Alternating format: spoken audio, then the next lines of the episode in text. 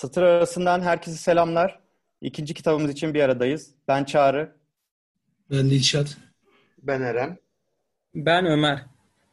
İkinci oturumumuza hoş geldiniz. Ee, ikinci kitabımız Sineklerin Tanrısı'nı seçmiştik. Ee, daha öncesinde duyurusunu da yaptık. Kitabı öneren arkadaşımız e, Ömer. Ömer bizim e, moderasyonu yapacak bu bölümde. E, ilk bölümde de elektrik kesildiği için gelemeyen arkadaşımızdı. Şimdi e, ikinci kitapta bir aradayız. Sözü sana veriyorum Ömer. Teşekkürler. Satır arasından herkese merhaba. Ee, bugün William Golding'in Sineklerin Tanrısı The Lord of the Flies kitabını tanıtacağız. Ee, bu kitabı arkadaşlarla birlikte yani okuyabildiğimiz kadar okuduk. Ee, kitabı William Golding 1954 yılında yazıyor ve yayınlıyor. Size kısaca William Golding hakkında biraz bilgi vermek istiyorum. Çünkü yaşantısı da gerçekten biraz farklı. Kendisi 1911 yılında doğuyor. İlk gençlik yıllarında öğretmenlik yapıyor. İkinci Dünya Savaşı sırasında İngiliz donanmasıyla birlikte bayağı bir cephede savaşıyor. Donanma ile İkinci Dünya Savaşı sona erdiğinde kendisi kitap yazmak istiyor. Ama öncesinde çok tutulmayan bir şiir kitabı yazıyor. Ee, sonrasında işte 1954 yılında bu kitabı yazıyor. Ancak o zamanın e, yayın evleri kitabı yayınlamak istemiyor. Çünkü kitabı çok karamsar buluyorlar. Sonunda 1954 yılında bir kitap yayınlanıyor. E, kitap bir adada büyük bir savaşta yani 1954 yıllarında değil gelecekteki bir savaşta bir adada mahsur kalan, uçaklara düşen çocukları anlatıyor. Ama bu anlatım içerisinde birbirleri arasındaki ilişkiyi, birbirlerinin arasındaki e, zorlukları, birbirlerini tanıma süreçlerini ve birbirlerinden nasıl etkilendiklerini anlatıyor. Aslında kitap bize şu soruyu soruyor bana göre. Ee, insan gerçekten kötü müdür? İçinde bir kötülük var mıdır? Ve kitap bunu sorarken bizim en masum dediğimiz çocuklar üzerinden soruyor. Bunun için bence kitap gerçekten okunması gerekli bir kitap. Çünkü kitap zaten Nobel ödülü de alıyor. Nobel Edebiyat Ödülü de alıyor. Senesi 1983 e, yılında. E, kitapta şöyle kısaca bir iskeletinden bahsetmek istiyorum. Ana karakterler üzerinden adaya düşen Ralph, Jack, ismi domuzcuk diye adlandırılan bir çocuk. Simon ve bunun etrafında irili ufaklı çocuklarla oluşuyor. Ama hepsi erkek bu arada adaya düşen çocukların. Ee, ve birbirlerini tanıma, adayı tanıma süreçleriyle başlıyor. Yani burada kitap hakkında ben şunu söyleyebilirim. Ee, kitap bence yazarın İkinci Dünya Savaşı'nı çok yoğun yaşadığı için sanki insanları yani o adadaki çocukları birer ülkeymiş gibi sınıflandırıp örnek veriyorum. İleride daha da iyi göreceğiz. Ee, birer ülkeymiş gibi sınıflandırıp aralarındaki ilişkiyi anlatıyor. Kitapta acayip benzetme çok, sembolleme çok. Ee, bu da ekstra bir bilgi olsun. Ee, Eren sen istersen giriş yapabilirsin. Ee, teşekkür ettim. Ee, bu söylediğin benzetme çok hoşuma gitti. Yani Ömer bu şeyin her bireyin bir ülke olarak adlandırması direkt aklıma şey geldi. Jack karakteri acaba Nazi Almanyası mı mesela Kesinlikle. yani? Ben de öyle düşünmüştüm. Ah, ya şimdi sen deyince böyle bir anda benim kafada düşünmeye başladı. O zaman e, Ralph Almanya olacak. İşte efendim Simon muhtemelen İsviçre gibi bir şey olacak ya da Hollanda, Belçika. Ezilen bir tarafsız ülke. En azından hani bu güzel oldu. Bu ufkum açıldı şu anda. Benim kitapla ilgili söylemek istediğim savaşın hakikaten Golding'in üzerindeki etkisini çok ciddi bir şekilde görüyoruz kitapta. Adam çok kötü olaylar yaşamış muhtemelen. Yani o savaşa girenin zaten e, akıl ve fikrinin ne kadar etkilendiği bilimsel olarak da kanıtlandı. Ve bu uğradığı kötülükler adamın aklında şöyle bir olayın sirayet etmesine sebep olmuş. Adam şunu diyor kitap boyunca. insanların çoğu kötü. Yani bir çocuğu biz normalde masum olarak biliriz değil mi? Hani elimizdedir, doğar, bir bebek vardır. Ama bir atasözü vardı. Şimdi hatırlayamadım. Bizim de bir atasözümüz var. Çocuğun kötülüğü ile ilgili. Hani hiçbir şeye benzemez gibiydi. Mesela hepimizin kardeşleri, işte abileri vesaireleri oldu. Kendi çocukluğumuza dönüp bir düşünelim. Neler yaptık ya? Şimdi isim vermeden bir olay anlatacağım. Ee, benim bir arkadaşım şey yapıyor, e, abisinden bahsediyordu yatılı okuldayken biz. Diyor ki ben kundaktaymışım, 30 günlükmüşüm. Bir beşiğe koymuşlar beni. Abim de beni sallıyormuş diyor. Tamam mı? Abisi de ondan 3 yaş falan büyük. Abisi bunu sallarken sallarken kundak merkez kaçla böyle bir tur atıyor. Ee, ondan sonra yuvarlanarak koltuğun ya da sedirin o zaman ne varsa kundaktaki bebek altına gidiyor. Abisi ondan sonra hatta şey demiş çok güzel bir dayak yemiş tabii. Ve o günden sonra senden nefret ettim falan diye böyle geyiğini yapmış. Yani küçük çocukların yapabildikleri, tabii kitap daha ciddi bunu konuşacağız biraz sonra ama e, hepimizi e, yani hepimiz buna vakıfız diye düşünüyorum. Şimdilik söyleyeceklerim bu kadar. Evet Çağrı sen de ne düşünüyorsun kitap hakkında? Ee, ben de şey örneği e, mesela yani kitaptaki karakterlerin ülkeleri hani temsil edebileceği örneğini ben de şöyle biraz düşünmüştüm. Bir ülkenin içindeki e, aktörler gibi biraz düşünmüştüm. Yani e, zaten son sözü işte bizim okuduğumuz e, Mina Urgan çevirinin çevirmenin yazdığı son sözde de biraz bundan bahsediyor aslında. Hani işte e, Jack işte böyle bir despot, bir lideri, güce tapan bir lideri. İşte Raf biraz daha e, karizmatik ama evet karizmatik ama biraz da böyle şey yani birazcık e, danışmanlığa ihtiyacı olan, kendi başına bazı kararları vermekte zorlanan bir lideri gösteriyor. İşte Domuzcuk böyle aydın kesimi biraz daha e, temsil ediyor. Simon da biraz daha böyle hani ruhani bir havası var. Yani iyi ama işte şey biraz da kopuk toplumdan yani. Hani Ruhban Ee, sınıfı. ruhban sınıfı gibi aynen yani. insanları etkilemekte de zorluk çekiyor. Öyle bir e, şey hissetmiştim ben de. Bir benzetme hissetmiştim. Şimdi e, karakterlerden biraz bahsedelim. E, Çağrı gerçi girdi biraz. Şimdi adaya ilk düştüğünde kitap ilk Ralph karakteriyle başlıyor. İşte Ralph karakterinin adayı keşfetmesi, o kumu sevmesi, taklalar atması, işte amuda kalkması, e, kendi kendine oynarken Domuzcuk karakteriyle karşılaşmasıyla başlıyor. Ralph ve Domuzcuk kendi aralarında çok konuşmuyorlar ilk zamanlarda. Çünkü Ralph Domuzcuk'u biraz küçümsüyor. E, Çünkü Domuzcuk biraz şişman e, ve hantal. Ralph daha atletik, daha hareketli bir çocuk e, olduğu için.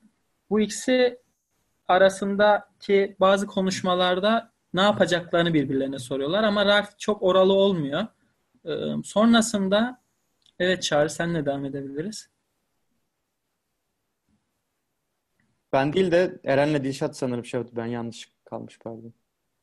Dilşat'a Evet, devredeyim ben. Dilşat abi.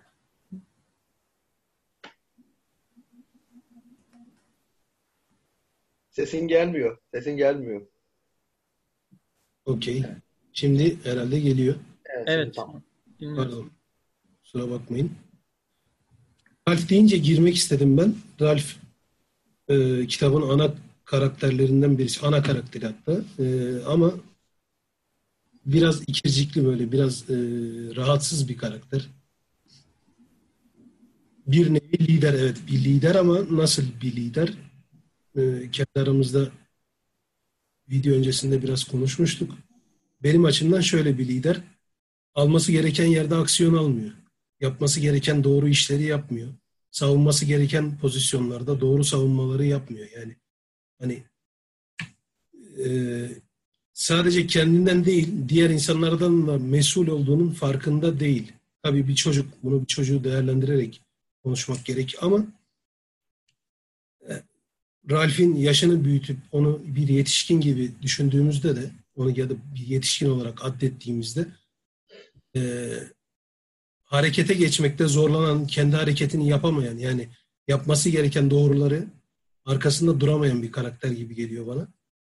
Bu yüzden bence Ralph'in liderliği biraz ikircikli. Domuzcuk yine son sözde Mina Organ'ın e, bahsettiği gibi sağduyunun ve daha iyi olan aklın sesi.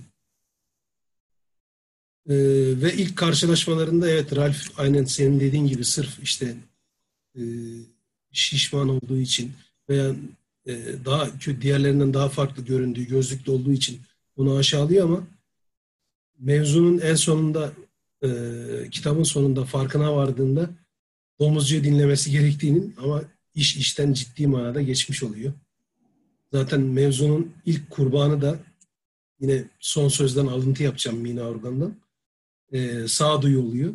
İlk sağduyuyu öldürüyorlar. Roger gerekeni yapıyor. Roger da bir karakter bu arada girdim. Kötü olan, bu arada benim mutlak kötülere ciddi bir saygım var. Ya da bir, bir e, nasıl diyeyim hayranlığım var. Buradan Roger'la birlikte sözü Eren'e devredeyim. Sendeyiz. Şimdi şeyden önce az önce Dilşat'ın da bahsettiği gibi oturum başlamadan hemen önce biz biraz konuştuk. Konuşurken de ben arkadaşlara şu soruyu sordum. Yani her biriniz kitaptan bir karakter olsaydınız tarafsız bir gözle kendinizi kim olarak seçerdiniz diye sordum. E, Ömer o zaman tam henüz gelmemişti ama e, mesela Çağrı domuzcukla şey Ralph arası bir karakter olurdum dedi. Ben muhtemelen Simon olurdum dedim. Yani hiç bir şeyi sallamayan ama en nihayetinde ilk ölen gözlüklü çocuk gibi. E, Dişat da direkt ben Roger olurdum diyerekten eli yükseltti. Yani o saf kötülere karşı olan bağımlılığı aramızda oldukça bilinir ve sevilir. Onu da söyleyeyim. E, şimdi ben Ralph'in ilk yükselmesindeki o olayı çok beğenmiştim. Onu söyleyeyim.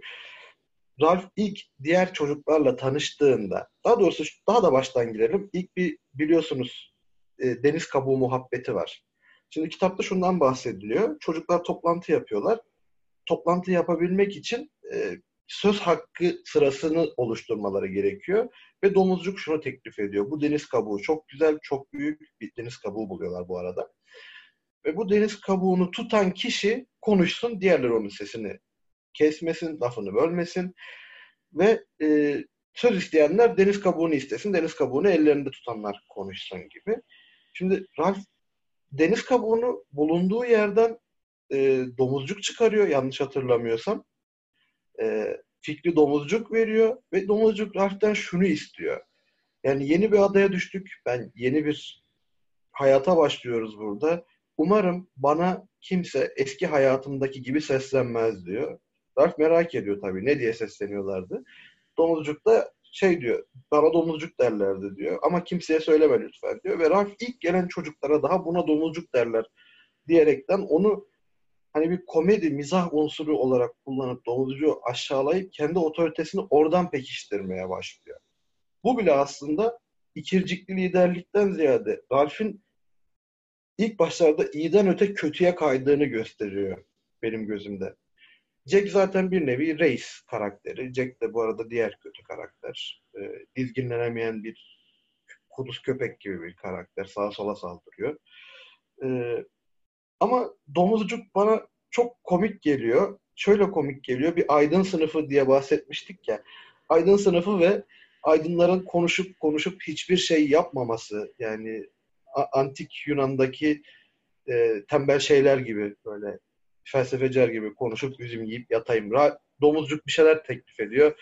Kimse sallamıyor. Domuzcuk da iyi o zaman biraz da şurada yatayım diye gidip orada yatıyor. Hani sinirleniyor ama bir şey de yapmıyor.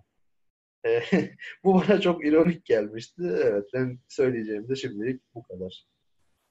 O zaman şey arkadaşlar biraz hani kitaba girmiş olalım bu sayede. Ralph ve Domuzcuğun buluşmasından sonra aralarında ne yapacaklarını konuşurken su birikintisinin ortasında işte büyük parlak bir deniz kabuğunu görüyorlar. Ve bunu Ralph şöyle söylüyor. Hani ben bunu biliyorum. Bundan çok güzel sesler çıkabilir. Ee, bunu almamız lazım. Bayağı bir uğraşıyorlar deniz kabuğunu suyu birikintisinin ortasından almak için. İşte domuzcuğun yardımıyla bunu alıyorlar ama domuzcuk üfleyemiyor. Çünkü domuzcukta bir astım hastalığı var. Nefesi yetmiyor. Bunun için Ralph e, bir iki denemenin sonunda o büyük deniz kabuğundan Hatta Şeytan Minaresi diye geçiyor kitap. Evet. Büyük deniz kabuğundan çok güzel ve e, uzaklardaki insanların da duyabileceği bir ses çıkartıyor. Bir iki defa üfledikten sonra bekliyorlar. Hani bu ses duyulup e, illaki buraya birilerinin gelmesi gerekir diye kendileri aralarında konuşuyorlar hatta. Üçüncü defa üfledikten sonra e, birden ormanın içinden hani çocukların geldiğini görüyorlar. Bunların içinde iri ufaklı 6 yaşlarında çocuklar da var. Ve bir süre sonra daha ileriden siyah kıyafetlerle en önde işte Jack de adlandırdığımız çocuğun o bir kilise korosu bu arada. Onun için siyah kıyafetler giymişler. E, ve koronun lideri de Jack olduğu için en önde Jack çıkıp geldiklerini görüyorlar. E, sonra bu bütün çocuklar toplandıktan sonra bir toplantı yapılması gerekiyor artık. Bu toplantıya da işte Eren'in de anlattığı gibi nasıl başlayacağız ya da kim söz sahibi olacak? Şöyledir, böyledir. Domuzcuk şöyle bir fikir sunuyor dediğin gibi. Ee, bu deniz kabuğuyla biz buraya sizi toplayabildik. Bu ses çıkmasaydı gelemeyecektiniz. Deniz kabuğu kimdeyse söz sahibi ondadır. Ve deniz kabuğu Ralph'in elinde o sırada. Çünkü Ralph çaldığı için. Sonra işte aralarında bir lider seçmeleri gerekiyor. Herkes oylama yapıyor. Ralph lider seçiliyor. Hani bu kitabın başlangıcında yani giriş kısmında çocukların birbirlerini tanıması, çocukların birbirleriyle buluşması, liderin seçilmesi ve liderin bazı e, görevleri dağıtması olaylarını içeriyor. E, Dilşat abi senle devam edebiliriz. Bu şeyde e, ilk bölümlerde aslına bakarsanız ben çok da edebiyat bunu söylemek biraz garip olacak ama kitap yani birisi olarak edebiyatla özellikle bitip tükenmek bilmeyen tasvirlerle aram çok iyi değil. Yani e, Eren ve Çağrı bu mevzuyu çok iyi bilirler. Yalnız e, yaklaşık 68. sayfaya kadar falan e, ben bayağı sıkılmıştım. Sonrasında bu senin dediğin bölüm işte Ralph'in şef seçilmesi, adayı tanımaya çalışmaları, yavaş yavaş böyle bir araya gelip oraları biraz hızlı geçmek istiyorum. Şu bakımdan e, kitabın anlatacağı şeyler aslında buralardan sonra başlıyor. Kitap iyinin, kötünün yani içimizdeki iyilik ve kötülüğe biraz odaklanmış durumda. Erdem, sağduyu, iyilik, kötülük, merhamet bu tip duygulara odaklanmış durumda. Her ne kadar işte adanın tasviri çok detaylı yapılmış olsa da aslında yapılan, daha detaylı yapılmaya çalışan insanın tasviri. Özellikle e, mesela masumiyete çok ciddi bir eleştiri var. Çocuğun masumiyeti, çocuğun melekliği konusuna çok ciddi bir eleştiri. 68. sayfada Morris adlı bir karakterin bir durumundan bahsetmek istiyorum ben. Orada şöyle bir şey var. Bir paragrafta şöyle bir cümle var. Morris hakkında. E, Morris başka bir çocuğu çocuğa taş atmayı düşünüyor. Ve e, şöyle bir durum var. Şimdi bir babanın ya da bir annenin ağır eli sırtına inmeyeceği halde kötü bir şey yapmanın tedirginliğini hala duymaktaydı. Belli belirsiz özür dilemek iste, isteği geçti aklının bir köşesinden. Sonra yüzmeye gideceği konusunda bir şeyler homurdanarak koşa koşa uzaklaştı. Vahşi bir ortamdalar. Morris bunun idrakında artık eline yani elini tutacak bir şey yok birine bir kötülük yapmak istediğinde. Birisi gelip onun elini tutamaz. Ama ailesinin ona vermiş olduğu işte içinde bulunduğu sosyal hayatın ona vermiş olduğu kültürün yükü hala sırtında. Ve hala bağlayıcılığı var onun için. Henüz e, vahşiliğin yani e, kenarına yaklaşmamış, vahşiliğe yaklaşmamış. Burası beni mesela ilk işte başlıyor diye korkutan yerdi. Yani yavaş yavaş hani dark side'a geçmek olayı var ya ve karanlık tarafa geçenler ilk burada başlıyordu. Ve Morris'in yakın arkadaşlarından birisi de Roger. İkisi genelde beraber hareket ediyorlar ki Roger asıl kötü, buradaki mutlak kötümüz Roger yani. Sonrasında zaten kitabın ilerleyen bölümlerinde onun çok daha e, kötü hallerini göreceğiz. Ben burada sözümü sonlandırmak istiyorum. Konuşmak isteyen varsa Eren'deyiz.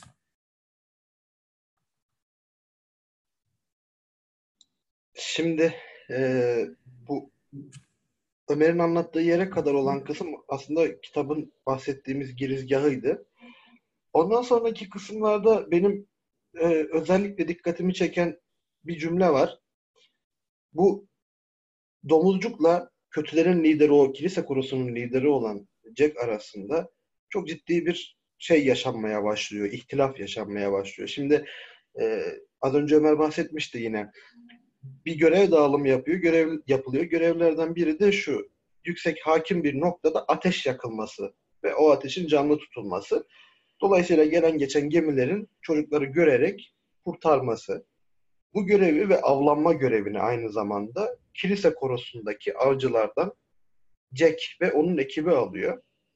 Şimdi Jack aslında burada lider olamadığı ve ilk insanları birleştiren kişi olamadığı için bununla yetinmek zorunda kalıyor. Aralarındaki, raf aralarındaki bir ihtilaf henüz başlamamış olsa da burada aslında filizleniyor diyebiliriz.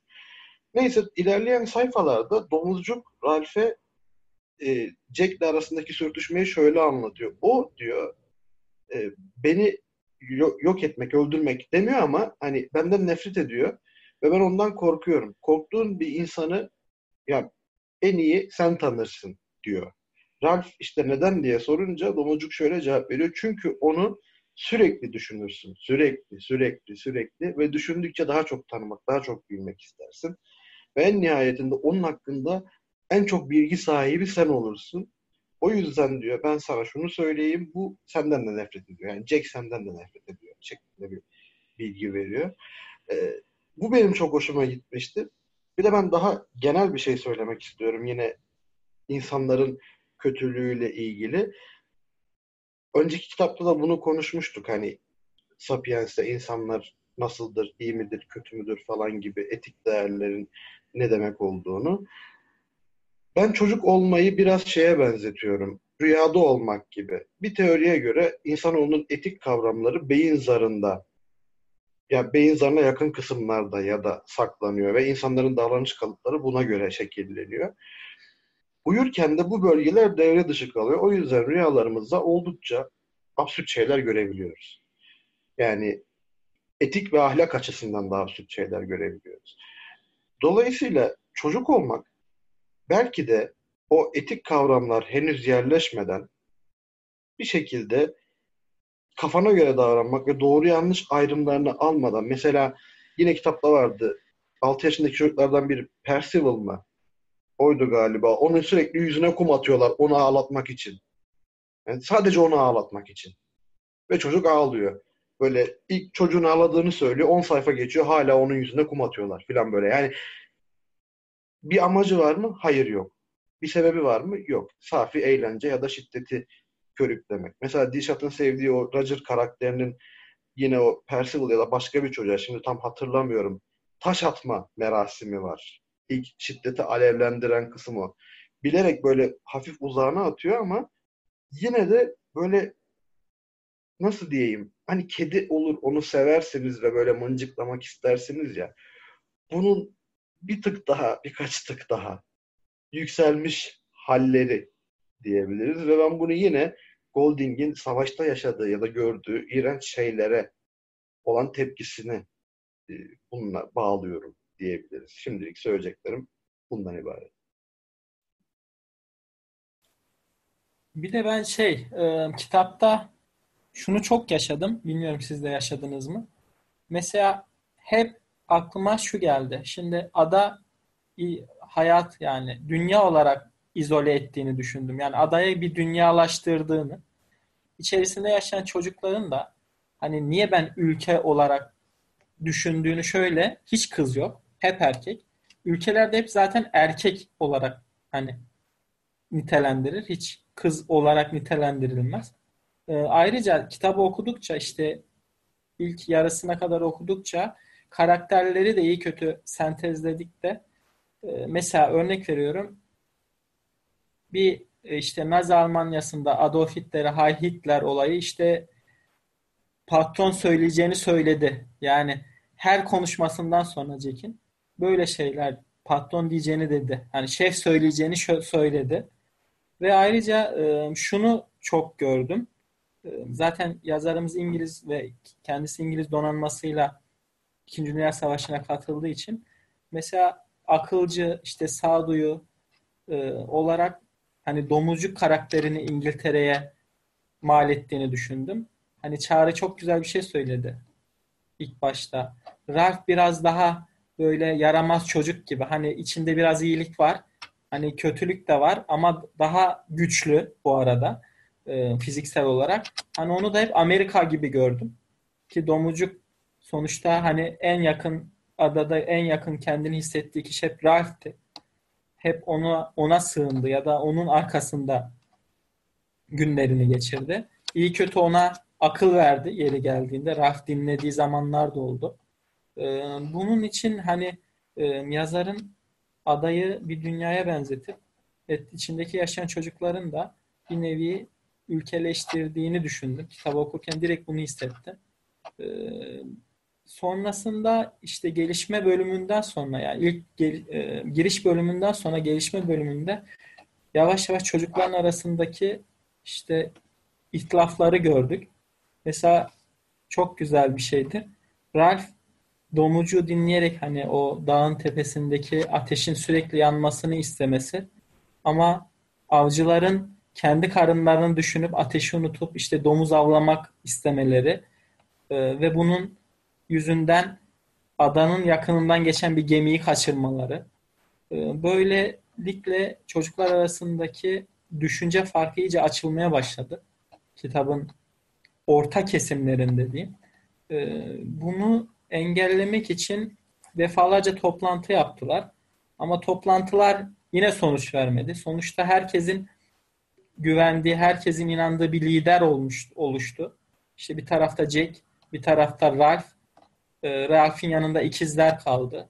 İşte domuzcuk kaldı. Ama Jack bütün e, kilise korosunu aldı. Diğer küçük çocukları yanına aldı. Çünkü onlara karnınızı doyuruyorum. Ben size et veriyorum. Eti vaat etti. E, bu da her dediğim gibi e, şey yandaki küçük çocuklar da küçük ülkeleri hani çok ambiyane olacak ama işte ikinci sınıf ülkelerin hani daha çok böyle yardıma muhtaç olan ülkelere benzettim. Ki kölelik kölelik olarak da düşündüm. Çünkü ona et veriyor, ona yiyecek veriyor ama işini yaptırıyor. Yani bir nevi Ralph'in düzeltiyorum Jack'in köleleri gibi algıladım kitap boyunca.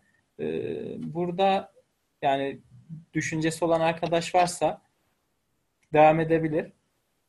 Bu söylediklerimin üzerine. Evet Çağrı seni dinliyoruz.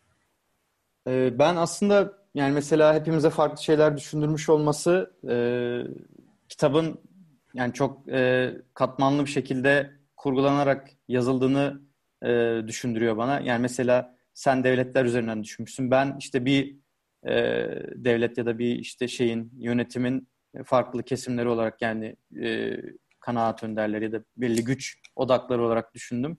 E, başka birisi de direkt bunun bir çocuk kitabı gibi bile okuyabilir yani. Hani e, atıyorum e, şey gözüyle baksan buna bir gelişim psikoloğu şeyiyle e, okusan, gözüyle okusan hani orada şeyi görürsün işte çocuklar eğitilmeli, şiddete eğimli olabiliyorlar. Bazı çocukların içinde kötülük olabiliyor ama bunlar işte eğiterek, yönlendirerek e, işte toplumsal kurallara uydurmalıyız. Mesela bununla ilgili hep ufak ufak örneklerdi yani her, her biri içinde ufak ufak e, şeyler veriyor aslında yazar kitap boyunca. Mesela bir bölümde şey vardı.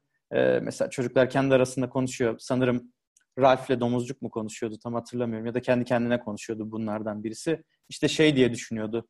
Ya işte büyükler e, otururlar akşamları çay içerler. işte düşünürler. Hani problemleri çözerler. E, ama çocuklar bunu beceremiyor işte değil mi? Hava karardı mı hepsi böyle deliriyor falan. İşte böyle bir şeylerden korkan çocuklar oluyor. Küçükler böyle canavarlardan korkuyor. İşte ne bileyim Jack böyle iyice hırçınlaşıyor falan. Domuz avlayacağım bilmem ne yapacağım diyor. Hani karanlık e, yani o karanlıkla gündüzü çok net hissedebiliyoruz yani. Hani onu çok güzel işlemiş e, yazar bence kitaba. Hani hava kararırken ortalık böyle bir kaosa doğru gidiyor. Yani herkes böyle kendi güdüleri boyunca böyle bir yerlere gidiyor. İşte mesela Eren'in verdiği örnek gibi. Küçükler böyle bir zaten hayal aleminde yaşıyor resmen. E, böyle canavarlar, yok yılanlar, bir şeylerden bahsedip duruyorlar. Ve e, enteresan ilerleyen bölümlerde Jack bunları kullanmaya da başlıyor. Hatta kendi de iniyor, inanıyor muhtemelen canavarlara, şunlara, bunlara. Hani orada bir e, bir mit oluşturuyor yani. Hani zaten kitabın adı da oraya doğru gidiyor yani. Daha o şeye gelmedik de sineklerin tanrısına ama hani bu e, nun işlenmesi benim çok hoşuma gitti. Yani nasıl hangi açıdan baktığına göre kitabı hakikaten çok farklı okuyabiliyorsun. Eren e, senin söyleyeceklerin var sanırım. Ben sana devredeyim.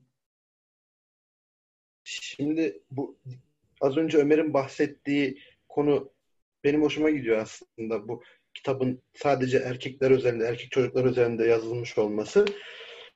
Bununla ilgili herkesin bir düşüncesi vardır ama benim düşüncem aslında şeyden ziyade nasıl diyeyim savaşın erkeklerin sporu olmasından ziyade ben de amatör bir yazmaya çalışan bir adam olarak şunu düşünürüm böyle bir kitap yaz.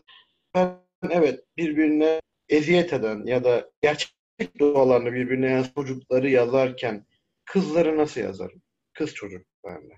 Yani bu kitapta 6 ila 12 ya da 13 yaş aralığında bir grup çocuktan bahsediyoruz.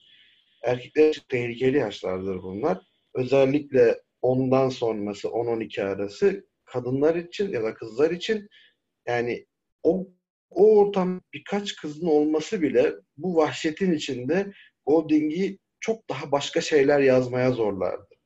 Yani o kızlara e, e, eziyetler sadece eziyet kapsamında kalmaz, başka şeylere de dönüşürdü. Dolayısıyla ben Golding'in sadece erkekleri yazarken burada biraz da bunun çekincesinde olabileceğini düşünüyorum. En azından bu kitabı ben yazamam zaten de diyelim ki ben böyle bir kitap yazmaya meyletseydim kızları ilk planda yok bunları çıkarayım dememin sebebi bu olurdu. Ee, ikinci olarak bu Ralph ve diğer çocuklar arasındaki şeylerin açılması gittikçe, mesafelerin açılması aslında sorumlulukla beraber geliyor. İşte bir grup ateş yakacak, yakmıyor. Herkes eğlencesine bakıyor. Barınak yapılması lazım çocuklar için. Barınağı sadece Simon'la Ralph yapıyor. Diğerleri kaytarmaya başlıyor. İşte havuzda yüzenler, keyfini çıkaranlar filan. Ondan sonra millet bir müddet sonra tuvalet olarak kullanılacağı öngörülen yerlere bile tuvaletini yapmayı bırakıyor. Sağa sola tuvaletini yapmaya başlıyor. Hani insanoğlunun bozulmaya ne kadar meyilli olduğunu vurgulamaya başlıyor Golding ve özellikle bir yerden sonra ve onun şürekasının diyeyim biz öldüreceğiz, biz öldüreceğiz, kan, et istiyoruz, meyve yemekten bıktık falan diyerekten domuzlara saldırması. Bir de ben şunu soracağım, domuz demişken sizce yani sadece adada domuzların olması bir tesadüf mü yoksa yazar burada da bir şey anlatmaya çalışıyor olabilir mi? Okurken benim bu aklıma takıldı ama bir sonuç alamadım, bir şey bulamadım. Aklıma hayvan çiftliği geldi. Ee, ama yani hani hayvan çiftliğinde domuzlar başa geçiyor falan ya da İkinci Dünya Savaşı'nda hakaret ederken Hitler ve Churchill birbirine domuz diye hitap ediyor. Acaba bundan mı kaynaklanan bir şey? Yani neden sadece domuz? Fark ettiyseniz kitap boyunca domuz çok önemli bir yere sahip. Yani bir sadece bir hayvan olarak değil bir karakter olarak var o domuz. Hatta bir yerde o dişi anne domuzun öldürülmesini çok uzun bir şekilde anlatıyor yani yazar. Bunu şey yapmak, sormak istedim. Söyleyeceklerim şimdilik bunlar ibaret. Rişat abi senle devam edelim. Eren'in söylediğine şöyle bir cevap vermek istiyorum. Ee, ben yazarın kafasından düşündüğümde şu geliyor aklıma. Domuz neden domuz? Neden sadece domuz? Neden başka hiç yırtıcı ya da kötü büyük hayvan yok? İnsanın olduğu yerde böyle bir şeye ihtiyaç var mıydı diye düşünüyorum mesela. Daha başka bir süper yırtıcıya ya da daha vahşi bir yaratığa ihtiyaç var mıydı? İnsan var yani sonuçta. Simon'ın kitapta Simon adındaki karakterin de söylediği gibi belki buradaki tek canavarlar bizizdir diyor ya. Yani insan varken başka bir süper yırtıcıya ihtiyaç var mı bilmiyorum. Muhtemelen yazar eğer başka bir yırtıcı kurgulasaydı işler daha sarpa sarabilirdi. Yani e, çocuklar ölebilirdi. Belki hikayenin devamı açısından, kurgunun devamı açısından ve kurguda sadece insanın iç dünyasına yani insanın içindeki iyilik ya da kötülüğe yin yang gibi hani buna odaklanabilmek açısından diğer süper yırtıcılardan ya da yırtıcılardan hani münezzeh tutulmuş kitap. Sadece insan odaklı bir kitap olarak kalmış. Ee, domuz önemli bir hayvan. Evet. Ee, domuz aslında burada biraz batı kültürünü de resmediyor bence. Ee, çünkü burada İkinci Dünya Savaşı'nın hemen sonrasında yazılmış bir kitap. İkinci Dünya Savaşı genel itibariyle Batı kültürüne sahip hani Hristiyan dünyası arasında geçti. Yani çok da dünyanın hani diğer tarafı Japonya'yı ve hani görece olarak işte Rusya'nın doğu bölümünü hariç tutarsak Batı dünyasında e, gerçekleşti bunlar. Yani mevzu tamamıyla neredeyse Batı dünyasını, Batı dünyasının açgözlülüğüyle alakalı bir durumda İkinci Dünya Savaşı. Onları ilgilendiriyor. Belki buradan bir şey olabilir, e, yaklaşım olabilir. Şimdi eğer e, yeme alışkanlıklarını düşünecek olursak Batı dünyası için çok daha önemli bir besin kaynağı domuz. Diğer taraftan benim bir de bu kitapta odaklanmak istediğim asıl mevzu şey Roger. Neden Roger? Ömer'in söylediği çok güzel bir şey var. Roger kötü karakter olmasının ötesinde benim dikkatimi şu bağlamda çekiyor. Kraldan fazla kralcı. Mesela bana hep Mussolini'yi hatırlatıyor Roger. Yani evet bir tarafta Hitler gibi bir Hitler var bir karakter var ama daha kötüsü var aslında. Sadece fırsat eline geçmemiş ya da fırsatını bulamamış. Bu kadar. Yani tam bir Mussolini durumu var. Ve o yüzden kraldan fazla kralcı olduğu için de dikkatimi çekiyor. Ve içindeki hırs Roger'ın kesinlikle Jack'inkinden çok daha büyük mesela. Ve e, daha da kötüsü bu işten zevk alıyor bu adam. Yani o onun için o domuzcuk işte ezip öldürmek veya e, yine Henry adında bir çocuğa taşlar atıyor sürekli. O Henry'yi taşlamak Roger için kendini iyi hissetmenin ya da var olmanın bir parçası. Bu benim mutlak kötülerde her zaman baktığım bir durum. Yani neden insan kötülük yapmaya ihtiyaç duyar? Ya da neden insan kötü olur? Roger'ın bu, bu, bu konuda yani hani böyle nasıl diyeyim özel bir tarafı var. Diğerleri nedensel kötü. Yani Jack'in neden Ralph'e düşmanlık duyduğunu, neden Ralph'i işte kendine rakip gördüğünü anlayabiliyorsun. Onun güttüğü bir amaç var. Ama Roger sadece kötü olduğu için kötü. Mutlak kötü yani. O mesela benim ilgimi çekiyor. Doğuştan gelen bir kötü. Ee, bir de bu henüz sineklerin tanrısına gelmedik. Sineklerin tanrısı ben oraya da gelmek istiyorum aslında. Ee, Ömer şey dedi ya diğer ülkeleri köleleştiriyor, onları besliyor, onlara bir şeyler sunduğu için işte Jack liderliğini pekiştiriyor.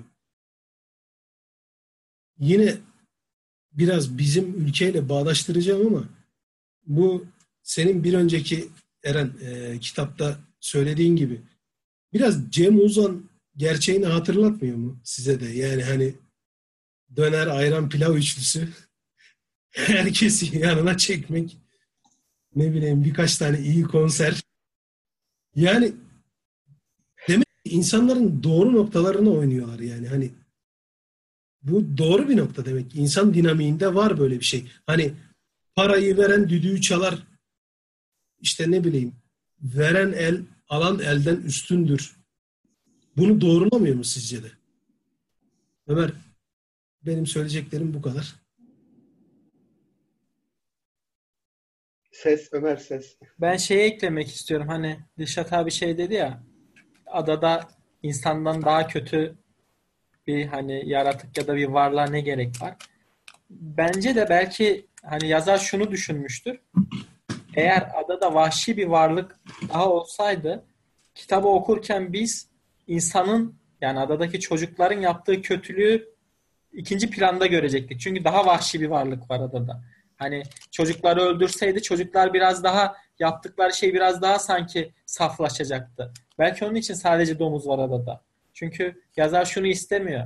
Ben çocukların ya da insanlar olarak söyleyeyim kendi karakterlerinin adadaki yaptığı vahşeti gölgeleyecek bir başka bir vahşet istemediği için daha e, vahşi bir varlık koymadı belki adaya. Hani bunu eklemek için söz istedim. E, bir de son Dişat abinin yine son dediğine geleceğim. E, geçen haftaki hani yorumladığımız kitapta da bu vardı. Gerçekten insan aç olmasın abi. İnsan aç olmasın. Hani Jack bunu çok iyi kullanıyor. Bütün hepsini yanına çekiyor ama gerçekten hani kendimizi düşünüyorum. Yani iyi kötü biz birbirimizi uzun yıllardır tanıyoruz. Biz aç olmayalım abi. Hani bu bizim için değil, bütün insanlar için geçerli. Ee, gerçekten böyle bir şey var. Dişat abiye katılıyorum bu konuda. Eren sen ne diyeceksin? Şimdi bu insan aç olmasın deyince benim aklıma direkt şey geldi. Bertrand Russell'ın Nobel Edebiyat Ödülü, şey, edebiyat değil, ne ödülüydü ya? Hatırlamadım da Nobel ödülünü alırken yaptığı bir konuşma var. Konuşmasında işte o sıralar özgürlük, demokrasi vesaire gibi kavramlar konuşuluyor sıkça. Çok güzel bir söz söylüyor. Söz de şu. Ee, bir iki insan olsa biri size bir çuval çuval buğdayı, diğeri özgürlüğü teklif etse açlığın hangi aşamasında bir çuval buğdayı tercih edersiniz? Yani aslında Jack bunu oynuyor. Çok da güzel bir sözdür bu. Şimdi Jack'in buna oynayışında bir nüans var. Benim çok hoşuma gitti o nüans. Şimdi mesela ateşin yanık tutulmasından sürekli Jack ve tayfası sorumlu. Fakat ateşi yanık tutmuyorlar. Neden? Çünkü biraz da keyif için avlanmaya gidiyorlar. Daha çok kendi tatminleri için. Aslında Jack'in ben size et getireceğim demesi o milleti doyurmak için değil, kendini tatmin etmek için. Yani tarihteki çoğu şey yöneticide ya da kötü karakterde de bunu görebilirsiniz. Mesela Kuzey Kore'yi örnek alalım. Adam diyor ki yani eğer onu konuştursaydık muhtemelen şöyle derdi. Evet ben çok lüks yaşıyorum. Halkım belki biraz zorlu şartlarda yaşıyor. Ama ben onlara ne bileyim yol yaptım. Yani hani köprü yaptım, hastane yapıyorum, işte şunları bedava veriyorum falan gibi. Ya bu rasyonalize etme isteği bana çok komik geliyor. Mesela aynı durum Venezuela'da da var. Yani adamlar lüks içinde yaşıyorlar, işte çok güzel hayatlar falan filan ama hastane yaptık. Ya iyi de vatandaş ölüyor, işte millet aç ya da çok zor durumda yaşayanlar var. Mesela kitaptaki çocuklar gibi. Hepsi ishal oluyor vesaire. Hatta hiç bizim konuşmadan atladığımız bir karakter var. Yüzünde karadut gibi bir iz olan çocuk. Kitabın başında yangından sonra kayboluyor. Sessiz kalan çocuk. Mesela o çocuk kim? O çocuğun kitaptaki yeri ne? Yani o ezilen vatandaşı mı temsil ediyor? Yoksa ne bileyim hani bir masum esas saf masum o çocuk mu acaba? Bir de benim e, yine az önceki konuyla ilgili bu söylemek istediğim bir şey var. Kitap okurken aklıma geldi. Korku kavramı.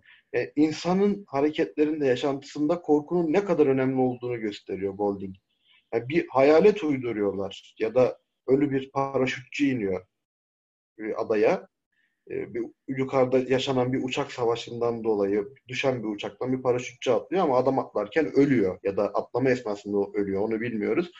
Sonra oturur şekilde kalıyor. Paraşüt ağaçlara dolaşıyor bir amaçta ve o paraşüt gece açılıyor rüzgarla kapanıyor falan. Çocuklar onu canavar olarak görüyorlar. Hatta onu keşfe çıkıyorlar vesaire vesaire. Daha öncesinde başka bir sarmaşıklı bir yaratık uyduruyorlar. Bir ara denizden gelen bir yaratık uyduruyorlar yani sürekli bir canavar var dışarıdan gelen ve bu canavarla güdülenen bir Jack karakteri var. İşte canavar varsa ben onu avlarım. Ralph diyor ki canavar olabilir. Belki ona gücümüz yeter. Belki yetmez. Hani Ralph daha gerçekçi yaklaşıyor. Ya da domuzcuk. Bizce canavar yoktur ama olabilir de. Hani politik yaklaşıyorlar. Simon tek canavar biziz diyor. İyi karakter. İyi de demeyeyim daha doğrusu. Biraz daha yani etliye sütlüye karışmayan karakter diyelim. Kendi açımdan en azından. Ama Jack diyor ki ben çok güçlüyüm, çok kuvvetliyim. Benim avcılarım da var. Bir şey olursa ben onu bulur öldürürüm. Altı boş söylemler. Yani Golding'in yazdığı bu kitap o kadar böyle hani tüm tarihe uygun ki davranış kalıpları bakımından. Bunu özellikle hani belirtmek istemiştim. Ömer'in o dediği konuyu ben unutmuştum. Hani o sözler verme vesaire ya da aç kalmama muhabbetini. Onu hatırladığım çok iyi oldu. Teşekkür ediyorum burada. Dişat'la Ömer'e tekrardan. Bugün gündüz konuşayım diyordum. Unutmuştum. Ee, neyse söyleyeceklerim şimdilik bu kadar. Teşekkürler. Ee, Kitabın işte ilerleyen saflarında Eren de biraz bahsetti. Ee, Çocuklar artık kendi kendilerine bir korku dürtüsünde canavarlar yaratmaya başladılar. İşte canavar sarmaşık halinde, yılan halinde oldu. Canavar denizden geldi. Canavar dağın tepesinden geldi. Çeşitli sesler çıkarttı. İşte gibi. Ee, bu sürede canavara aslında adadaki hani daha olgun çocuklar ilk etapta inanmıyorlardı. Ama gün geçtikçe artık e, onlar da inanmaya başladılar. Hatta bundan Eren'in de dediği gibi Jack nemalandı. Hani canavar varsa ben öldürürüm. Çünkü benim avcılarım var. Şöyledir, böyledir. Ee, hatta bir avından sonra Jack şunu da teklif etti. Ya canavar varsa bize bulaşmaz. Biz ona bir adak vermemiz lazım. Ne yapalım? İşte yaklaşık belki bir sayfa, belki bir buçuk sayfa anlatılan o anne domuzun öldürülmesinden sonra o anne domuzun kafasını ormanda canavara hediye olarak sundular. Ee, kitabın bu kesiminde beni çok etkileyen olaylardan bir tanesi de e, artık hani hatlar tam keskinleşti. Ya tam Jack tarafında oldu ya işte Ralph tarafında oldu çocuklar. Ha bu arada Ralph tarafında olan çocukların sayısı 4-5'i geçmez. İşte ikizler, e, Domuzcuk ve Ralph e, ve Simon. E, ve beni bir etkileyen nokta da insanın hemen bir kale gibi bir şeye sığınma isteği. Hani Jack'in bir kaya, bir orman keşfinde kayayı görüp işte burası bizim kalemiz olabilir. Hani hemen bir kale yani bir savunma ya geçme isteği beni etkiledi. Hani e, kitabın sonlarına doğru daha daha belirginleşiyor bu hani savunma şeyi. Ama bu orta kesimde, ortanın işte sonuna doğru kesiminde dediğim gibi çocukların arasındaki artık görüş iyice ayrılaş, ayrı, ayrım iyice arttı, makas iyice açıldı. Ee, burada Dilşat abi sen ne demek istersin?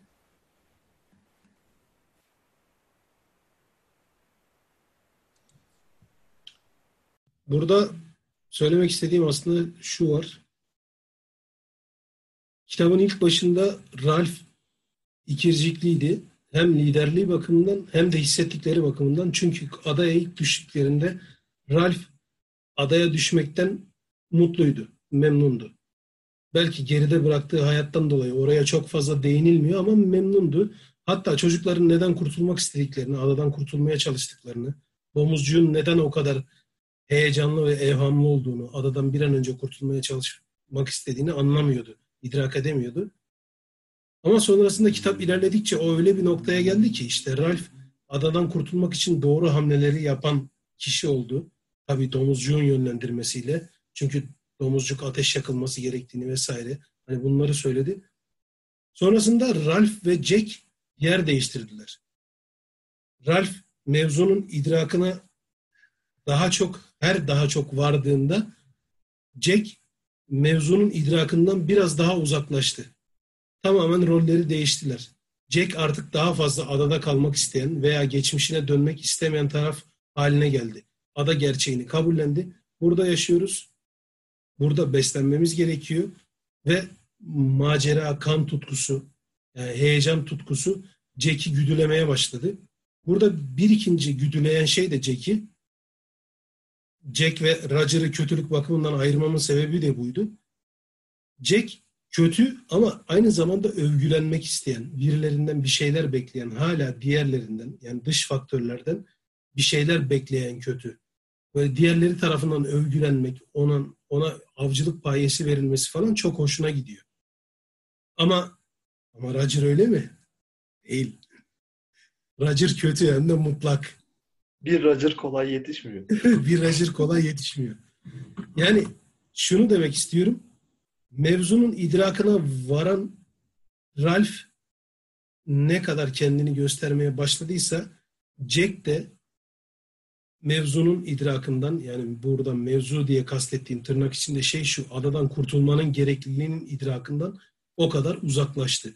Sonrasında en son geldikleri nokta işte birbirlerini öldürdükleri, birbirlerini boğazladıkları neredeyse. Ee, bir gecede işte Simon'ı bir e, canavar diye kurban ettikleri, tamamen korkunun ve heyecanın e, güdümünde kaldıkları o yağışlı gecede müthiş bir nasıl diyeyim barbarlığa dönüştü. Ve sonrasında takip eden hani kitabın da sonlarına doğru geliyoruz artık. Sonrasında takip eden işte dönemlerde Ralph'in etrafındaki insanlar tek tek azaltıldı. Bir şekilde öldürüldü. Ve Ralph tek başına kaldığında tabiri caizse adadaki domuzlara yapılan muamelenin çok daha fazlası, çok daha kötüsü sürek avı halinde Ralph'e yapıldı. Ralph bildiğiniz bir sürek avının e, av olan tarafı oldu. Jack ve kabilesi kendisine onu avlanmayı e, avlayan taraf oldular. Ve burada bu sert geçiş dedin ya sen e, şeyler keskinleşti demiştin. E, hatlar keskinleşti. Ayrımlar keskinleşti. Bunu ya, bu keskinleşirken de bu durum şu e, ön plana çıktı. Maske takmak. Maske takmak metaforu öyle diyeyim yani. Çocuklar yüzlerine boya sürdüklerinde ve maske taktıklarında bu onların geçmişten getirdikleri utanma, ne bileyim sıkılma gibi dürtülerini de alıp götürdü. Bir şeyin arkasına gizlendiler. Maskeyi taktılar ama asıl kötü benlikleri ortaya çıktı. Ben mesela bu maske konusuna da dikkatinizi çekmeyi çok isterim. Birkaç kere yazar ciddi bir şekilde değinmiş buna. Söyleyeceklerim bu kadar. Çağrı senle devam edelim biraz da. Ben de e, şeyden bahsedecektim. Jack'in yükselişi ve Ralph'in sendelemesini birazcık kısaca özetlemek isteyecektim. Orada maske olayı önemli. Ben de ondan bahsetmeyi düşünüyordum. Yani orada Jack'in yavaş yavaş bir kabile kurması, hani bu şeyleri kullanarak, e, korkulardan faydalanarak, yani kendisini de buna inandırıyor. Tabii şey değil bu yani hani böyle e, tamamen e, böyle kendi bir ajandası olup da bunları kullanıyor gibi değil. Kendisi de buna inanıyor. Yani bunun içine giriyor. O maskeyi taktıktan sonra, karanlığa hükmettikten sonra belki işte ateşleri çalarak e, Jack'in grubundan e, sonrasında domuzcuğun gözlüğünü de çalıyor zaten. E, ilk kırdığı gözlüğün tek kalan camını da alıyor. iyice acımasızlaşarak. Orada bir kabile kuruyor. İşte kendine bir taht yaptırıyor. İşte e, Ömer senin bahsettiğin gibi bir söz söylediğinde yanında iki tane yaveri onun söylediğini işte şefimiz böyle buyurdu falan gibi laflar ettiriyor filan. Yani orada bildiğin e, bir kabile kurup orada bir mit çevresinde işte o korkulan canavar miti çevresinde e, bir araya getiriyor aslında çocukları. Bir korku şeyi hükümdarlığı sürmeye başlıyor. Kale de burada önemli e, bir yer elde ediyor. Yani güvenlik şeyini kullanıyorlar orada. İhtiyacını hani kullanıyorlar. Sanki yani bir canavar olduğunu daha ispatlamadan Ralph kaleyi görür görmez şey Jack kaleyi görür görmez şey yapıyor. Yani o kaleyi görür görmez buradan çok güzel kale olur. Buradan aşağı taş yuvarlarız falan diye böyle şeyler düşünüyorlar Roger'la birlikte. Ee, oradaki yükseliş sırasında da e, Ralph'in şeyini hissediyoruz aslında. Sendelemesi şöyle gerçekleşiyor. Bulunduğu yerin aslında keyfinin kaçtığını, eğlencenin bittiğini, işte böyle saçlarının uzayıp işte böyle kirlendiklerini hissediyor ve çocuklara da bunu bahsediyor. Yani kendi tarafında kalan çocukları, kendi tarafında kalmaya ikna etmeye çalıştığı çocuklara bundan hep bahsediyor. Yani e, onlar keyif peşinde diyor. Yani en başta aslında Ralph keyif peşindeydi. İşte sulara girip çıkıyordu, o koşturuyordu. İşte ne bileyim amuda kalkıp burası çok güzel bir mekanmış falan gibi laflar ediyordu. Ama e, asıl keyfi Jack ve kabilesi almaya başlayınca işte o avın işte keyfini işte öldürmenin, et yemenin, şölenler yapmanın keyfini onlar e, tatmaya başlayınca e, bu sefer Ralph hani karşı tarafa geçip şey demeye başlıyor. Yani bunlar keyifli diyor. E, ama hani şeyin farkında değiller. Yani olaydan koptular. Hani Dilşat'ın dediği gibi bizim bu adadan kurtulmamız gerek. Gerçekliğinden koptular diyor. Ama kendisi de böyle bir boşluğa sürükleniyor bence. Yani bir melankoliye doğru sürükleniyor. Bu böyle bir yani şey gibi geliyor bana. Ralph bir darbe yapıyor. Ondan sonra e, devrik lider olan e, Ralph de öyle şey hale düşüyor. Melankoliye düşüyor yani. Hani öyle bir şey hissettim ben orada. Çünkü şey yani düşüncelerini toparlamakta zorlanıyor. Bir yerden sonra işte konuşamıyor. İşte sürekli domuzcu, domuzcuktan destek alması gerekiyor. Ki en başta hani böyle hor gördüğü domuzcuğun e, yardımıyla liderlik yapabilir hale geliyor. Jack ise tamamen kendinden emin işte cezalar veriyor.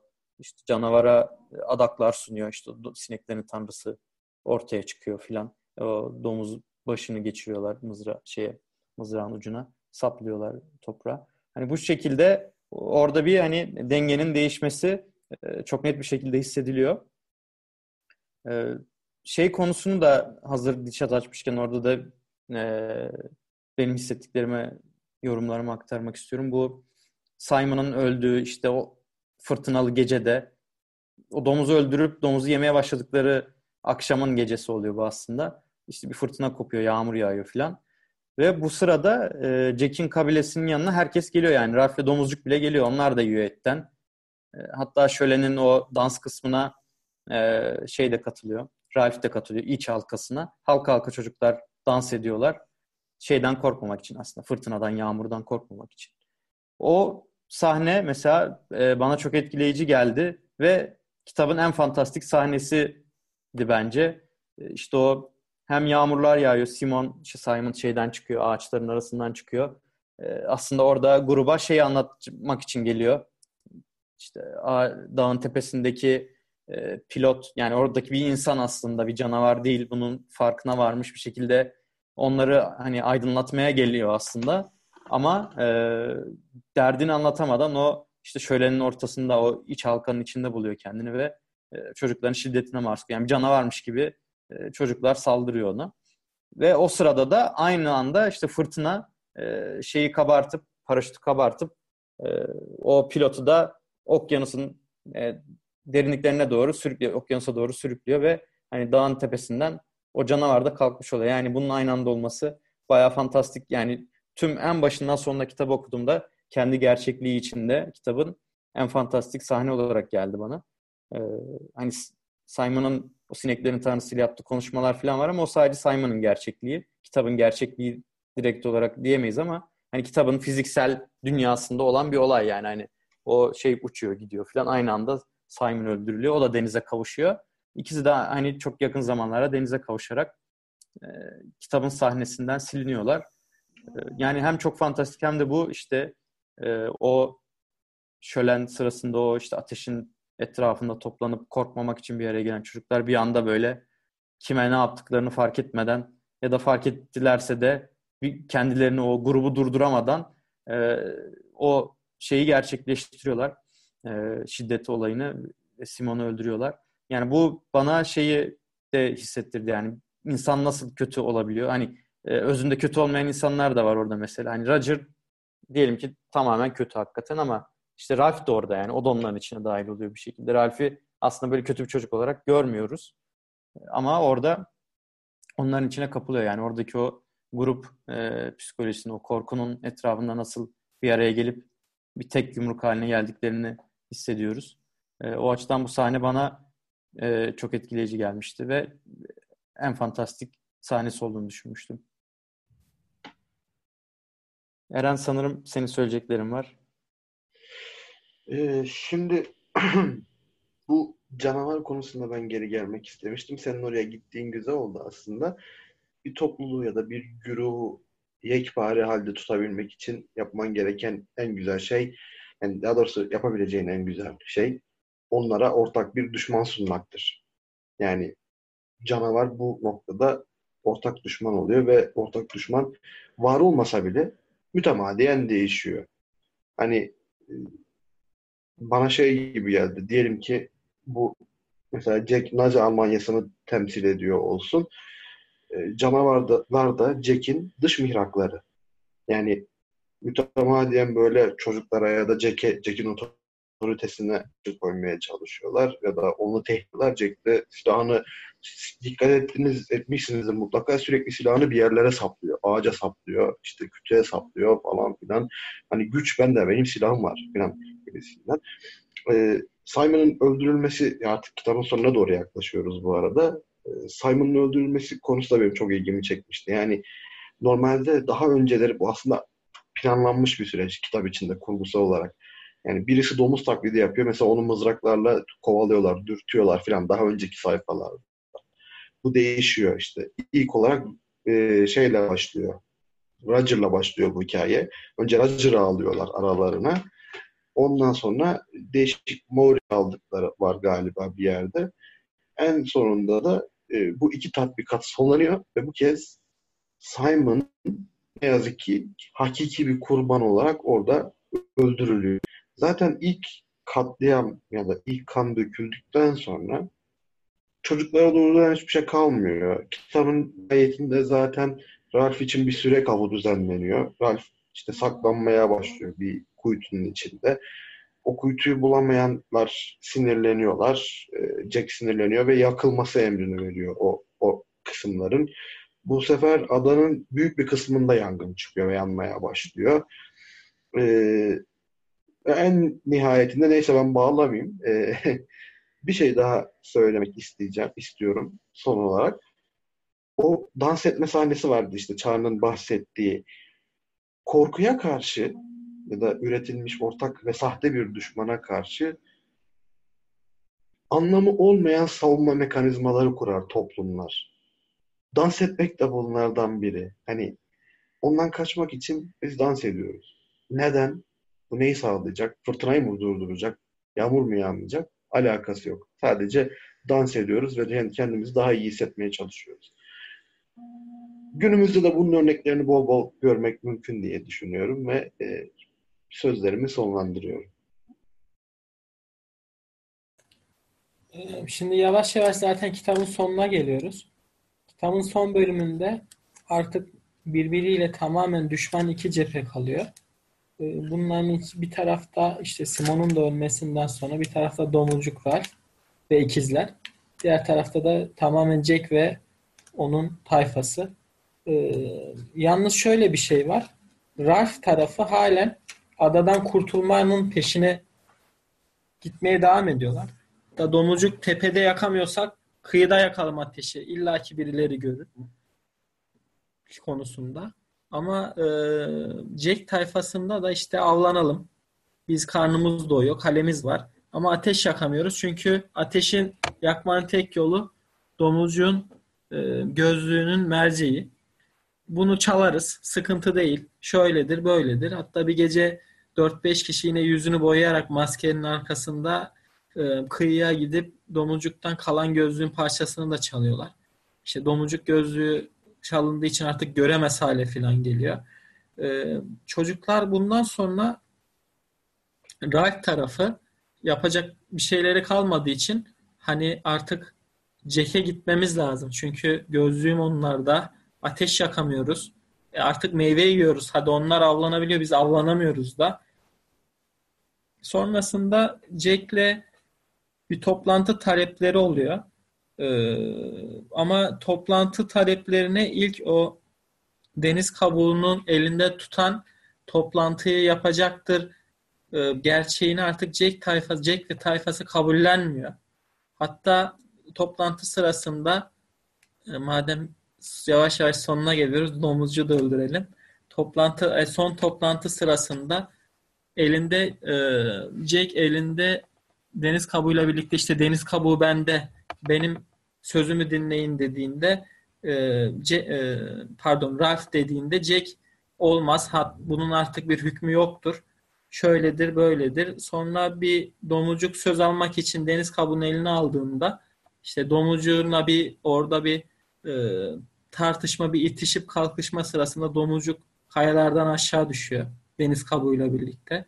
Ve domuzcuk da ölüyor. Ee, bundan sonra Jack'in tam istediği bir ortam meydana geliyor ama Ralph tek başına kalıyor. Buraya Ra- müdahale etmem gerekecek. Domuzcuyu öldüren Roger ve üzerine kaya yuvarlıyor. Lütfen. Orada orada emek var hocam. Evet, kötü yani- Roger. Adam sansürlemeye çalıştı ama olmadı. Kaya yuvarla, yuvarlama işi yakışık almadı ama haklısın yani aynen. Mutlak kötü Roger domuzcuk adanın sağduyusunu hiç gözü kırpmadan öldürüyor. Deniz kabuğuyla birlikte ki deniz kabuğu da parçalanıyor ve orada artık Ralph'in sığınacağı ya da Ralph'in sözünü geçireceği hiçbir şey kalmıyor. Ee, Bundan sonrası Eren'in de bahsettiği gibi artık Ralph'in bütün herkesten kaçışına dönüyor. Artık yapacak hiçbir şey yok. Herkes Ralph'i avlamak istiyor. Ralph'ten o kadar artık tiksiniyorlar, artık istemiyorlar, ölmesini istiyorlar. Sadece Ralph'in bir zamanında yanında olan ikizler Ralph'e yardım etmek istiyor. Ve Ralph'e diyorlar hani yarın seni avlamaya çıkacak bunlar. Saklanman lazım. Buralardan çok uzaklara git. Ralph de şöyle bir şey diyor. Orada yine Ralph'in hafiften hani konuşma sırasında, kitap sırasında 2-3 defa söylüyor. Beynine perde inme olayı var. Beynine perde inme olayının yaşanmadığı zamanlarda Ralph aslında mantıklı düşünebiliyor. Ee, ve şey diyor hani ikizlere siz ben çok yakına saklanacağım siz beni onlardan uzak tutun. Yani yakında olduğum için büyük ihtimal buraları aramayacaklardır gibisinden. Ee, velhasıl Jake ikizleri büyük ihtimal işkenceyle konuşturuyor ve Ralph'in olduğu, saklandığı sarmaşıkların yerini buluyor. Roger'a, Dilşat abinin Roger'ına kayalar yuvarlatıyor sarmaşıkları ama e, Ralph o kayalardan kurtuluyor. Gelenler birkaç kere mızrak dürtüyorlar sarmaşıklara. Hatta birisi yanlış olmasın Ralph'in göğsüne geliyor ama yaralanıyor sadece. Sonra yakıyorlar sarmaşıkları. Hani burada yazar insanın gerçekten limitinin olmadığı algısını veriyor. Yani ben direkt onu anladım. İnsan istediği anda yani akıl almaz şeyler yapabilir bu çocuk yani kitapta çocukların yaptığı şey ama günümüzde biz hani düşünün hani akıl almaz şeyler yapabiliyor. Canlı canlı yakabiliyor. işte kaya fırlatabiliyor. Mızrak dürtebiliyor. Ee, sonunda Ralph kaçmaya başlıyor. Ama kaçarken bayağı bir yaralanıyor. Her tarafı çiziliyor. Bu arada kitabın kitabın içinde hiç bahsetmedik. Ralph'in babası asker. Hatta bir binbaşıydı. Ee, denizci binbaşı, rütbeli bir asker. Hep şunu derdi hani babam bizi gelip kurtar kurtaracak. Ee, illa kurtulacağız. En son Ralph kaçarken hani kitabı artık bağlıyorum. Sonunda birer ikişer cümleyle de özetleriz birlikte. Ee, Ralph kıyı sahilde çömelmiş halde e, askeri üniformayla başında kasketle bir asker görüyor ve önünde hani dizüstü çöküyor. Çünkü anlam veremiyor. Birisi gelmiş adaya bunları kurtarmak için anlam veremiyor. Çünkü biraz önce bildiğiniz cehennemden kaçtı. Kaçtığı için bir an kurtulma hissi, yaptıklarının düşüncesi, arkadaki Jack'in kendisini kovalama hissi e, Ralph bir an abandone oluyor. E, ve askerle arasında birkaç konuşma geçiyor. Ondan sonra zaten kitabın burada sonuna geliyoruz. E, özetlemek gerekirse hani isterseniz bir iki cümleyle özetleyelim. Hani Çağrı senle başlayabiliriz. E, sonra en son bir iki bir şey de ben söylemek istiyorum. Evet Çağrı sen söyleyebilirsin. Tabii e, son saniye yönelik benim bir, bir tane bir gözlemim olmuştu. Onu e, hızlıca aktarayım.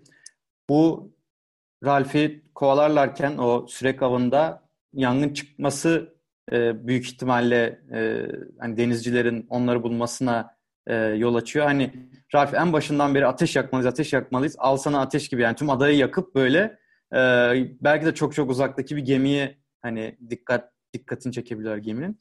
Orada yani biraz da şey e, hissiyatı da e, oldu bende. Hani genelde bizim hikayelerimizde hep bu şey olur. Küllerinden doğma ya da işte en dibe vurduktan sonra e, şeye erme, e, kurtuluşa erme.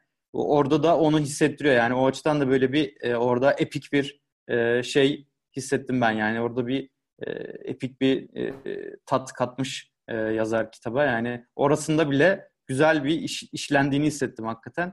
Çünkü o yani yangından geldi buldu. İşte yangın çıkmasa e, yangın çıkmasa Ralph'i kovalayamayacaklar. Ralph'i çıkaramayacaklardı o kuytudan ama yangın çıktığı için de çocukların hepsi kurtulmuş oldu. O e, çılgın e, kovalamacanın e, sava yani şeyin avın sonunda.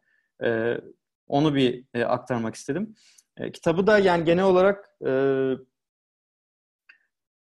şey kısmı e, yani insanın e, genel olarak insanın e, davranış şekilleri, insanın içindeki iyinin ve kötünün varlığı, bazı insanların ha, işte direkt doğuştan e, ya da tamamen iyi ya da kötü olabilmeleri.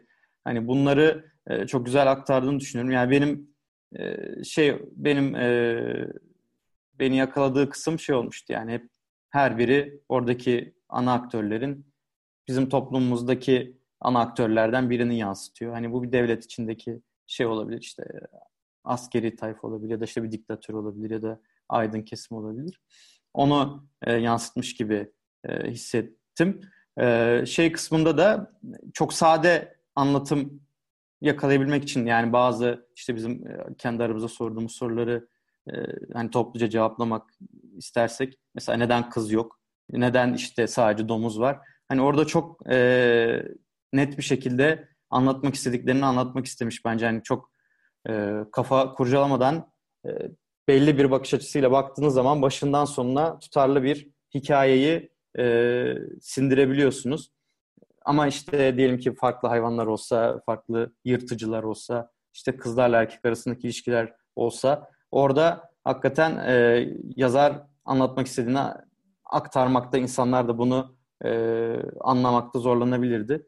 O açıdan da hani kitabı e, net temiz bir şekilde kurgulanmış olduğunu hissettim. Zaten hani e, başta böyle yayın evlerinden kabul almayıp sonra yayınlandığı an hani böyle çok hızlı bir şekilde popülerleşip işte Nobel ödülü alan sonrasında iki tane filmi çekilen bir kitap e, ortaya çıkıyor. Bunu hatta böyle yani liselerde falan bile okutuyorlar yani hani okullarda okutuyorlar. Hani o da çok enteresan aslında. kitap bayağı böyle e, dehşetli bir kitap aslında bir yandan. Yani çocuk kitabı falan değil kesinlikle bence.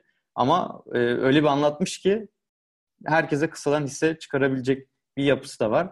O açıdan e, kitabı yani çok genç kitlelere hitap edebildiğini düşünüyorum. E, benim yorumlarım bu şekilde. Dilşat abi senle devam edelim.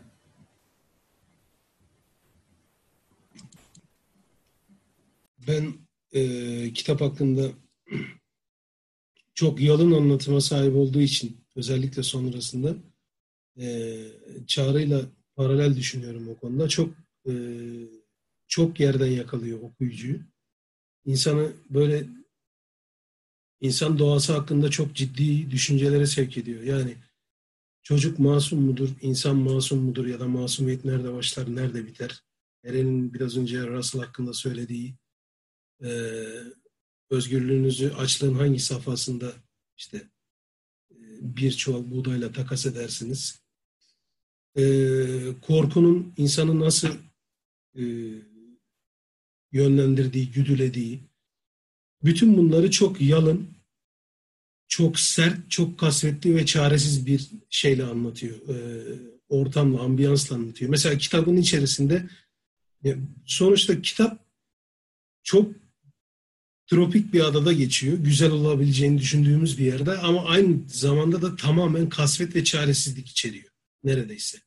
Ve bütün bu kasvet ve çaresizlik kitabın içinde geçtiği coğrafyayla coğrafyadan tamamen bağımsız. Yani orası güneşli bir ada. Palmiyeler var, işte ne bileyim meyve ağaçları var vesaire. Ama orayı berbat hale getiren, o kasvetli, o çaresizliği, o kasvetli hali e, oraya getiren insanoğlu denilen varlık ve insanoğlunun güya tırnak içinde en zararsız formu, en küçük formu. Ne çocuk işte masum. vesaire. İnsanın nasıl yaratık olduğunu sorgulaması açısından bence çok güzel. Yani coğrafyadan bağımsız insan cennet gibi bir coğrafyaya berbat bir e, yaklaşım getirebiliyor. Ve orayı cehennem gibi bir forma sokabiliyor. Diğer taraftan son sahnede işte subayın Ralph'i bulduğu sahnede bir şey var. Subay şey diyor. Burası da biraz ironik tabii. Ralph'e hepiniz Britanyalısınız değil mi falan diyor. O da evet diyor. Daha iyi idare edebileceğinizi düşünürdüm. Hani Britanyalı çocuklar Mercan Adası Mercan Adası adlı o kitaba yergi olarak yazıldığı için biraz da daha iyi idare edebileceğinizi düşünürdüm diyor. Yani kraliçenin gençliği ya da ne bileyim işte hani İngiltere'nin Britanyalı tatlış çocukları hiç de öyle iyi falan idare etmiyorlar. Çünkü insan doğası işte üzerine bina edildiği kültürden vesaire bağımsızlaşabiliyor. Bir maske takıyorsun ya da yüzünü farklı iki şekilde boyuyorsun. Birazcık korkuyorsun. Sonra tamamen 10 bin yıl önceye geri dönebiliyorsun. Yani 10 bin yıl önce, 20 bin yıl önce ataların nasıl güdülendiyse, nasıl korkuyorlarsa sen de öyle davranabiliyorsun. O bakımdan ben kitabın en çok şu yönünü sevdim. İnsan eğer e, doğru şartlar oluşursa geçmişten getirdiği kültürden az da olsa bağımsızlaşabilir. Az da olsa. Kültür her zaman hepimizin geçmişimizden getirdiği kültür sırtında bir yük ya da ne bileyim hani görünmez bir el gibidir. Bizi hep böyle yönetir arkamızdan. Hiçbir zaman o kültürden ya da o çevreden bağımsız davranamayız. Her ne kadar yaptıkları olaylar kötü de olsa bu çocukların kendi özgürlüklerini bir şekilde hani tatmış olmaları ya da ne bileyim kötü bakın vahşice belki ama o kültürden az da olsa bağımsızlaşabiliyorlar. O konuda mesela gerçek özgürlük yani manipüle edilmemiş özgürlük fikri bana çekici gelmedi desem yalan olur. Tabii bu kötülükle umarım bir algılanmaz. Söyleyeceklerim bu kadar. Bence kesinlikle okunmaya değer bir kitap. Eren senle bağlayalım. Ben az önce Dilşat'ın bahsettiği hani yeterli şartlar oluşursa insan yükünden kurtulabilir. Bence bu çok masum bir ifade ya. Yani bu kitaba göre ben bunu biraz gam kasavetle doldurayım. Ben şöyle düşünüyorum bu konuda. İnsan sadece yeterli şartlar oluşursa iyidir. Ki o yeterli şartların yok iyidir. Sen yeterli şartlar oluşursa ondan çıkabilir dedin. Hani sınırdan çıkabilir gibi bir ifade kullandın. Bence insan sadece üzerinde baskı olursa iyi kalabilir. Daha doğrusu böyle düzelteyim tam olarak. Diğer her türlü insan olmamış ya. Yani olmamış derken şimdi bir anda tüm insanlığı gömmeyeyim de hani e, çok kolay bozulabiliyor ki bunu geçmişteki savaşlardan, tarihin topladığı kandan, gözyaşından çok rahatlıkla görebiliyordum zaten. Benim kitapla ilgili söyleyeceğim e, zaten arkadaşlar çok güzel özetledi. E, olay örgülü bir anlatım var kitapta. Betimlemelerden çok. ve olaylar çok sade, yalın ve vurucu şekilde anlatılıyor. Kurgu üzerinde muhtemelen çok uzun yıllar boyunca düşünmüştür. Öyle tahmin ediyorum. Böyle bir eseri kolayca yani çıkarmak her baba yiğidin harcı değil. Büyük bir yazar William Golding. Mutlaka okunması gereken bir kitap. Ee, son olarak benim söylemek istediğim hep çocukluğumdan beri merak ederdim. Filmler izleriz, diziler izleriz ya da işte tarih okuruz en nihayetinde. Bir kral vardır sahnede. İşte onun yanında adamları vardır iki üç tane. Efendim bir sözüyle milyonlar harekete geçer. İyi de bu krala bu gücü veren nedir? Yani babasının kral olması mı? Tamam. Ama bu real hayatta hiçbir karşılığı yok ki bunun. Babası kralsa bugün ben kral olayım yarın da benim oğlum kral olsun o zaman. Böyle mi yürüyor bu söz?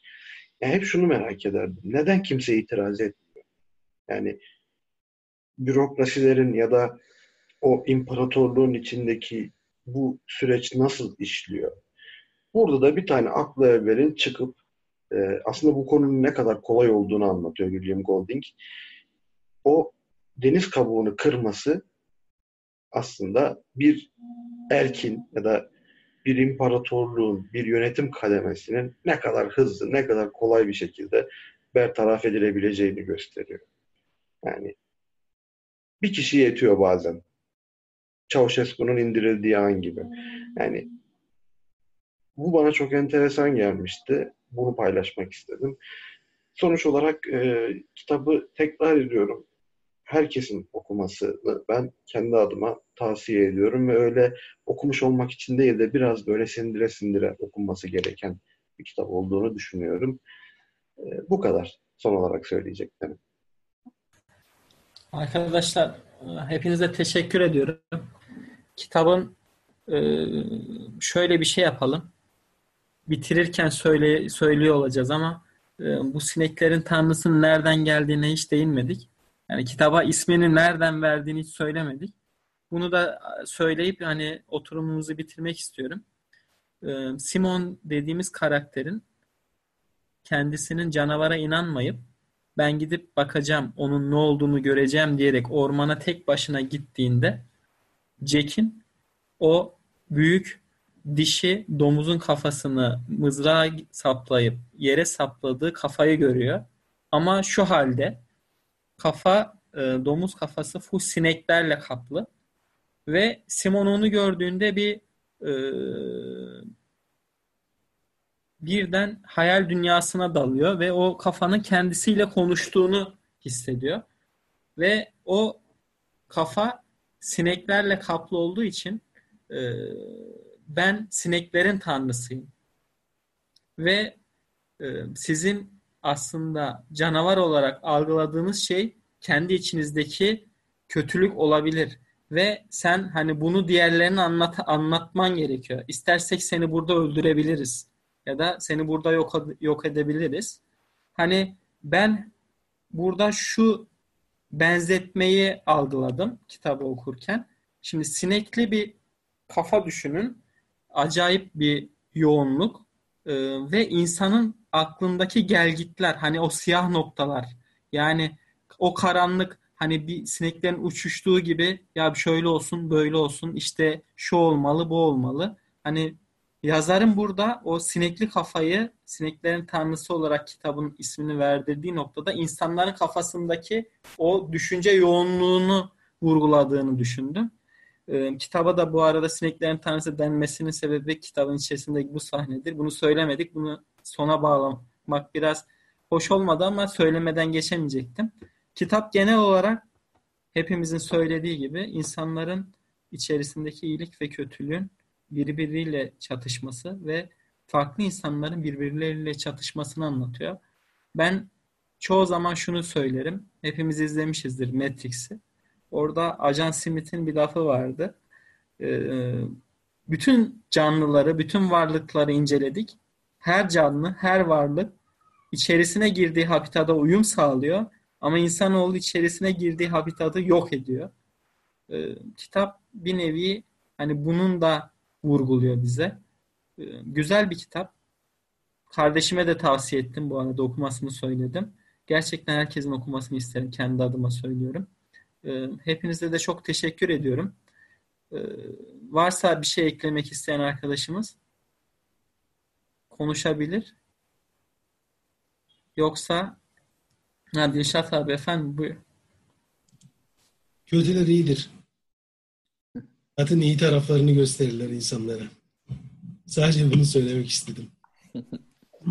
Arkadaşlar hepinize çok teşekkür ediyorum. Bir sonraki toplantıda görüşmek üzere. Kendinize iyi bakın. İyi akşamlar diliyorum.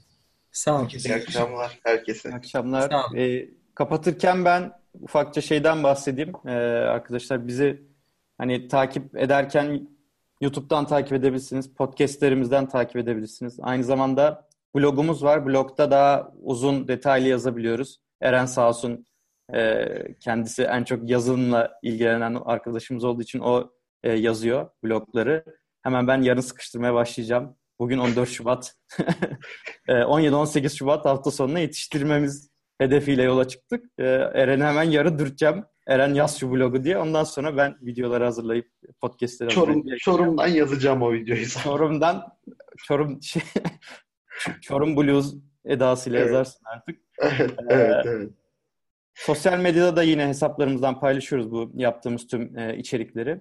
E, Twitter'da, Facebook'ta, Instagram'da hesaplarımız var. Goodreads'te de bir hesap açtık. Onun da linklerini paylaşacağız.